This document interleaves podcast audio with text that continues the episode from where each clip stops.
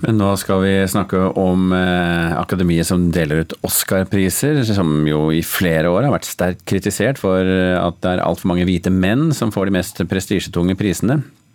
Nå har akademiet lansert et regelverk der de krever et visst mangfold i etnisitet, kjønn og legning, både foran og bak kamera, for å kvalifisere til å bli nominert i klassen for beste film. Men dette er en helt feil ende å starte i, ifølge kritikerne. The Oscar, The Oscar for beste film får du heretter ikke, uten å ha et minstemål av kvinner eller minoritetsgrupper, enten foran eller bak kamera, eller i markedsføringsorganisasjonen for en film. Men har du det? Da kan du vinne. Jeg tenker at det føyer seg inn i rekken av litt dårlige forslag eh, fra Oscar-akademiet for å bli mer eh, attraktiv. Jeg tror det her er et feilgrep. Eh, jeg tror heller at Oscar-akademiet burde oppfordre til mangfold og jobbe for holdningsendringer, enn å fremtvinge dem på denne måten. To filmkritikere er altså kritisk til de nye reglene. Adresseavisens Terje Eidsvåg og NRKs Birger Vestmo. De mener at reglene kunne ha stoppet veldig gode filmer som har vunnet Oscar før.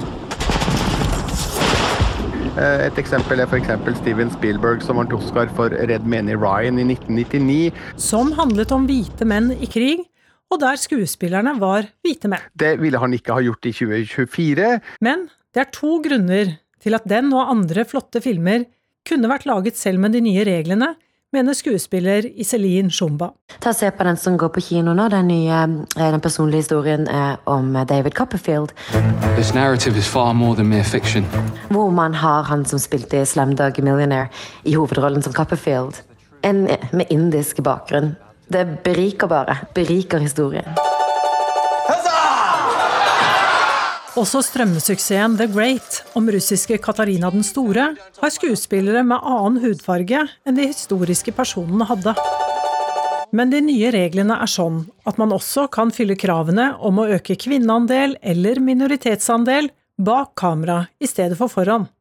Og hvis man ikke klarer å inkludere hva skal vi si, eh, menneskeheten sånn som vi egentlig er i den virkelige verden, inn i film, så ja, er filmen så relevant, da? Lurer jeg på. Eh, det er uheldig, syns jeg, at de på en måte dikterer hva en film må handle om, hvordan den skal lages, og av hvem, for å kunne nomineres til en Oscar for beste film. For det som er hovedproblemet til Oscar-akademiet, det er jo at det fortsatt er eh, 81 eh, hvite medlemmer og 67% mannlige medlemmer, og med en ganske høy snittalder. Reporter her det var Elisabeth Grøndal og Ida Yasin eh, Andersen. Kan vi bare ta med for ordens skyld at disse nye reglene de er ment å tre i kraft i 2024, så en stund til altså. Filmprodusent Synnøve Hørsdal, eh, god morgen. God morgen. Du, I morgen så er det premiere på filmen 'Dianas bryllup', som du har vært produsent for. Vi skal snakke om den straks, men aller først, hva syns du om Oscar-akademiets nye krav til filmbransjen om mangfold? Nei, Hva skal man synes om det? De burde kanskje ha begynt i andre enden, men istedenfor i sluttenden. At man skulle begynt veldig mye tidligere. Eh, dette går jo langt, langt tilbake. Men på en annen side så ser jeg at noen sier at eh, nei, du kan ikke, du kan ikke røre kunsten. Kunsten er over alle reguleringer. Og da tenker jeg nei, kanskje det er i USA hvor du ikke kan regulere så mange andre steder. At eh, det er, kunsten trenger også en dytt innimellom for å holde seg relevant, og kanskje det er riktig. Ok, Vi skal snakke om filmen du har vært produsent for, 'Dianas bryllup', som har eh, premiere i morgen. Dette er også den første norske spillefilmen for voksne som har premiere etter koronautbrudd. Og vi skal høre et lite klipp.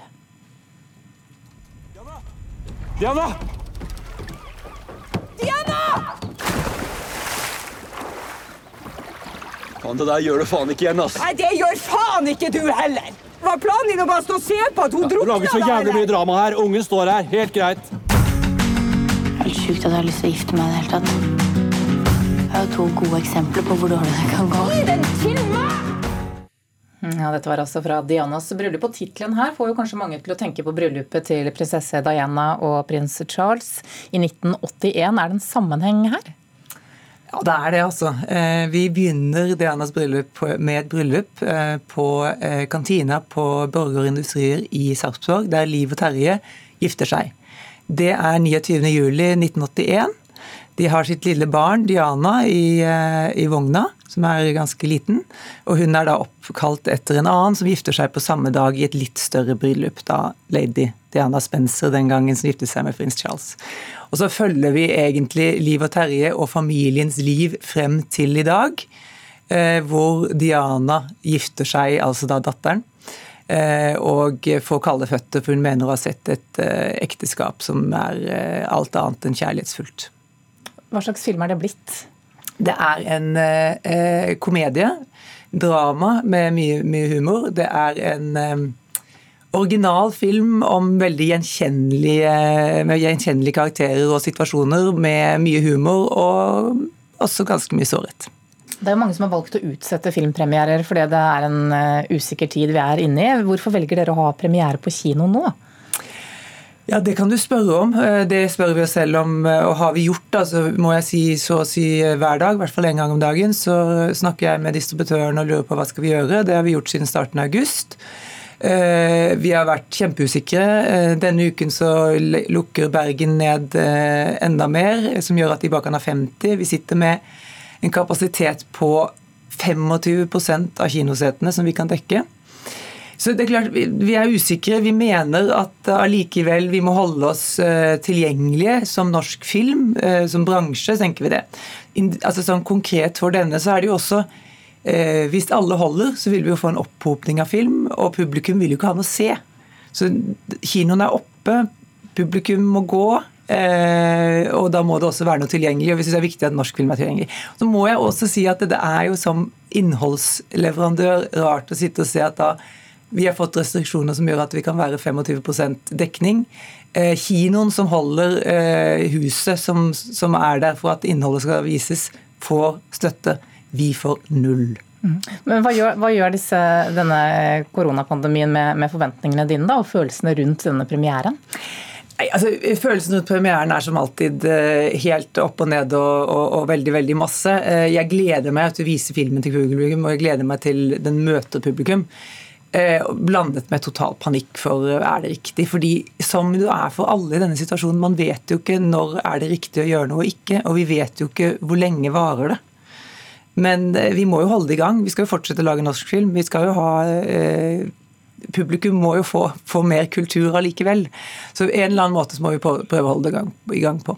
Ok, og Dianas bryllup har altså premiere i morgen. Takk for at du kom hit til eh, studio, filmprodusent Synnøve Hørsdal.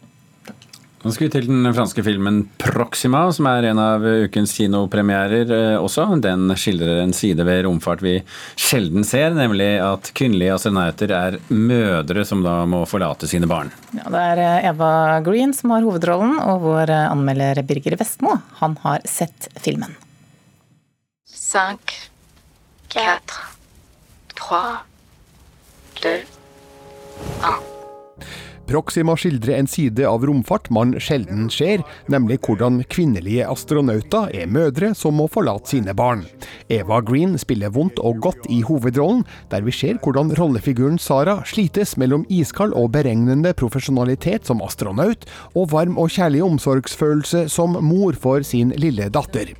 Regissør Alice Vinocour forteller denne historien nærmest kaldt, nøkternt og tilbakeholdent, som sammen med autentiske omgivelser gir den et overbevisende realistisk preg. Det finnes dessverre scener der enkelte av Saras handlinger går fullstendig på akkord med Eva Greens harde forsøk på å fremstå troverdig. Proxima viser likevel tydelig hva det kan koste en mor å følge sine drømmer og ambisjoner. Tu savais que ta maman allait partir un jour. Ça te fait très peur, un peu peur. Un peu peur. I siste liten blir franske Sara, spilt av Eva Green, valgt til en romferd til ISS, den internasjonale romstasjonen, der hun skal oppholde seg i ett år sammen med den amerikanske astronauten Mike, spilt av Matt Dillon, og den russiske kosmonauten Anton, spilt av Aleksej Fatev. Sara må plassere sin åtte år gamle datter Stella, spilt av Seli Bola, hos den fraseparerte faren, spilt av Lars Eidinger, og må forberede hun på at mamma skal skytes opp i en diger rakett ut i verdensrommet, men sliter med skyldfølelse over å forlate dattera si. Samtidig tviler Mike på hennes egenskaper som astronaut, og han får vann på mølla når Saras private utfordringer går ut over hennes innsats under den harde treninga før ekspedisjonen. You know, this is for a kid here. You're gonna have to cut the cord. You're gonna be gone in. Filmen er innspilt hos European Space Agency i Köln, i romfartsbyen Star City i Russland og på utskytingsstedet i Baikonur i Kasakhstan, og skårer dermed himmelhøyt på troverdighet. Samspillet mellom Eva Green og Celi Bola har mange små, nydelige øyeblikk som forteller det man trenger å vite om det nære båndet mellom dem, Saras dårlige samvittighet og Stellas frykt for hva som kan skje med mora. Historien får seg en kraftig knekk når Sara på et tidspunkt velger å gjøre noe som bryter all profesjonelle regler, men det gir i det minste en form for emosjonell forløsning. Proxima gir ingen klare svar på hvordan man skal håndtere gnisninga mellom jobb og privatliv. Det er heller ikke filmens mål, men utfordringene blir i hvert fall krystallklare, sett i lys av hovedfigurens spesielle dilemma. Det er en fin og sår film med en viss gjenkjennelseseffekt, sjøl om man ikke skulle være astronaut. Ça va pas, non, tu m'as fait peur Pars Terningkast fire.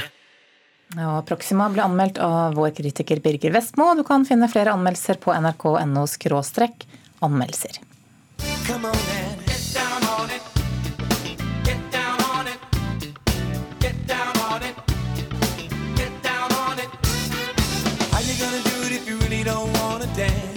En liten tjeneste fra oss her i Nyhetsmorgen eh, for at du skal ha denne på hjernen resten av dagen. Dette er altså funk fra gruppa Cool and the Gang. Get Down On It er, eh, er det vi spiller, selvfølgelig. Grunnen til at vi spiller denne låten er for så vidt en eh, trist nyhet om at en av grunnleggerne av gruppa har, er nå død. Kulturreporter Oda Elise Svelstad. Ronald Callis Bell, en av grunnleggerne, som du sa, og vokalist i gruppa Cool and the Gang, døde i går kveld i heimen sin på de amerikanske Jomfruøyer. Det melder nyhetsbyrået. Han ble 68 år gammel, og dødsårsaken er foreløpig ikke kjent. Altså selv om mange har hørt musikken, så er vel dette en slags generasjonsting. Oda, kan du fortelle litt nærmere hva slags band dette var? Bandet Cool and the Gang ble til i New Jersey i USA på tidlig 60-tallet og var i utgangspunktet inspirert av jazzmusikken. Etter hvert vokste jeg til å bli ei av de store gruppene på 70-tallet, med ei blanding av jazz, funk, rhythm and blues og pop. De opplevde en liten nedtur, men fikk fornya stjernestatus på slutten av 70-tallet etter at låta deres Open Sesame var en del av lydsporet til filmen Saturday Night Fever, en filmhit med bl.a. en ung Jon Travolta i ei av hovedrollene. Vi kan jo høre litt på låta som ga dem en ny start.